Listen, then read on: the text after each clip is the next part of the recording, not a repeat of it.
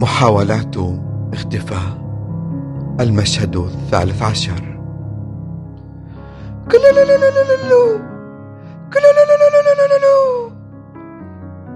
هذه الكلمة البوهيمية المتكررة كل صباح ومساء عند خط الكحل بعيني الطفلة وحاجبيها. لا بد لأمي من ترديدها وأظن كل النساء يفعلن ذلك وكأنه لو لم تقل الكلولو هذه لن يخط المرود الفضي الكحل بعيني الصغار. هو ذات المشهد الذي كان يتم مع أطفالي عند بداية مشوارهم لهذه الحياة. ليصبحوا بذاك الشكل المرعب وكأنهم سيلفستر ستالون في سلسلة أفلام رامبو متنكرا بذاك السواد الفحمي ليشن مغامرات هجومه على أعدائه الذين لا ينتهون أبدا.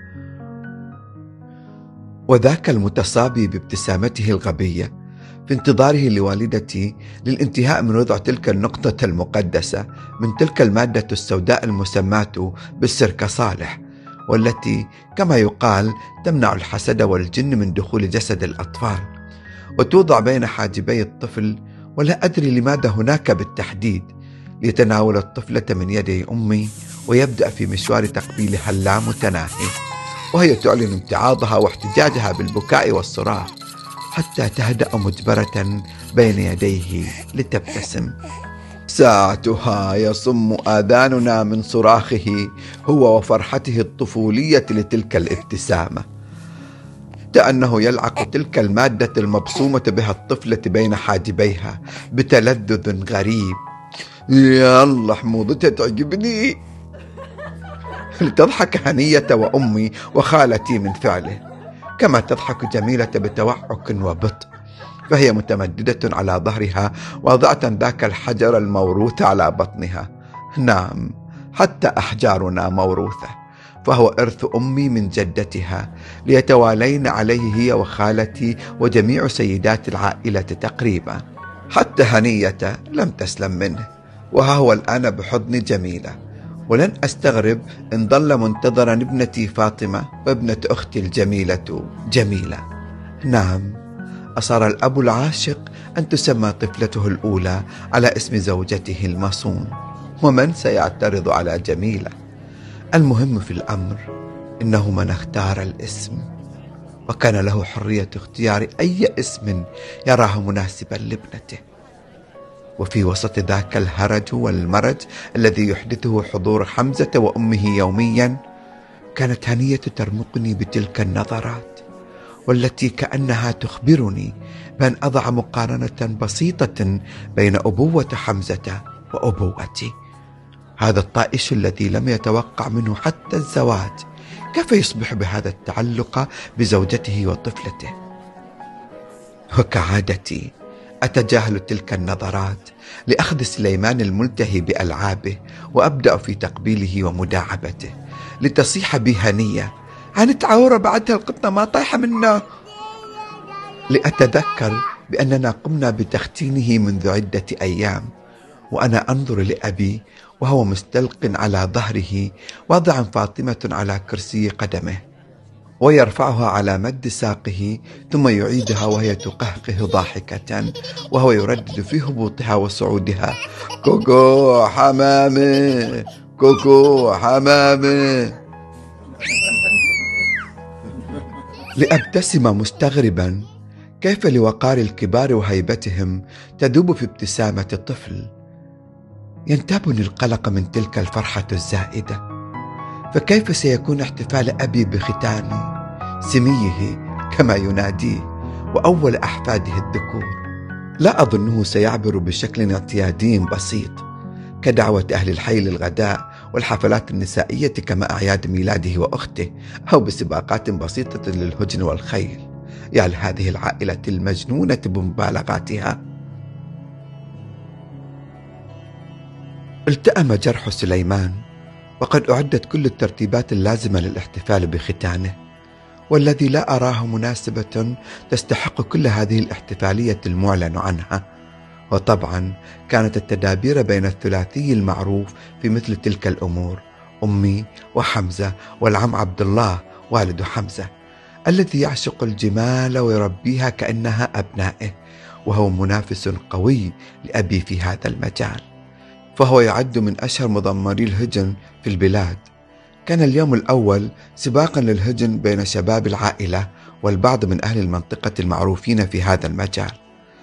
حتى أني لم أسأل من المنتصر بذاك السباق الذي تم بحضور راعي الحفل ابني سليمان كما علق أبي بذلك فهو لم يفارق كتف جده في ذاك اليوم.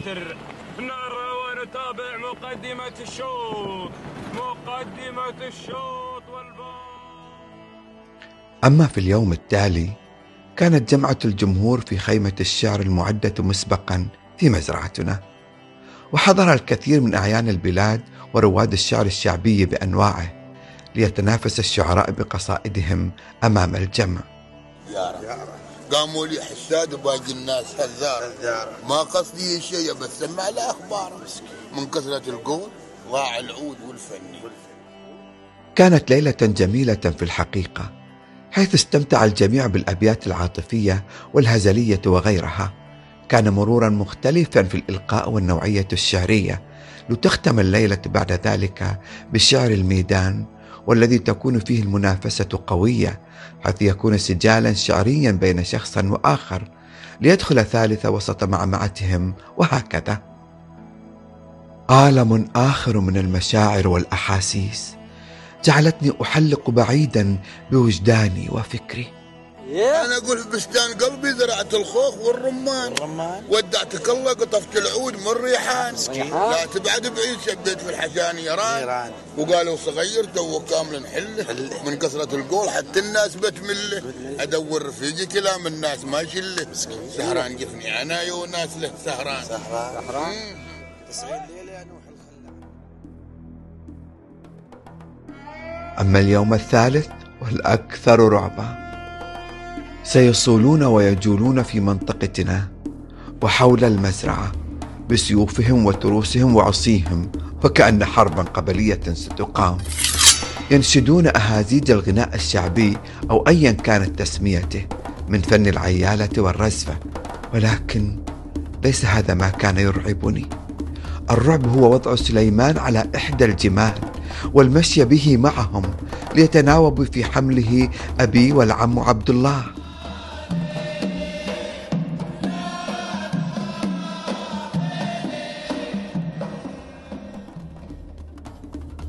ذاك الصغير الجريء حتى أنه لم يبكي أو يستنكر وجوده وسط هذا الحشد. وأنا عيناي وقلبي متعلقان به وبخطواتهم المترنحة على تلك النوق. خوفي أن يسقط وهم يتناوبون به من ناقة لأخرى بأيديهم. فهم يدعونه يمسك بخطامها ويحفزونه لضربها وهي تتمايل به. ليختم العم عبد الله ذلك المشهد المرعب بوقوفه على ظهرها وسليمان على كتفه.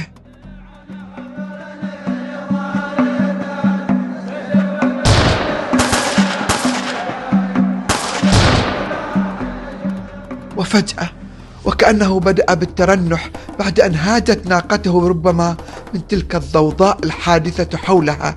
يحاول أحدهم تهدئتها وتنبيه ذاك الرجل الغافل بخطورة ما يفعله ولكن دون جدوى. يا لهذا الجنون الذي لا ينتهي. يا ليتني أستطيع الطيران الآن من بينهم وأخذ الطفل وأفر به من هنا. ليتني أختفي. يتبع.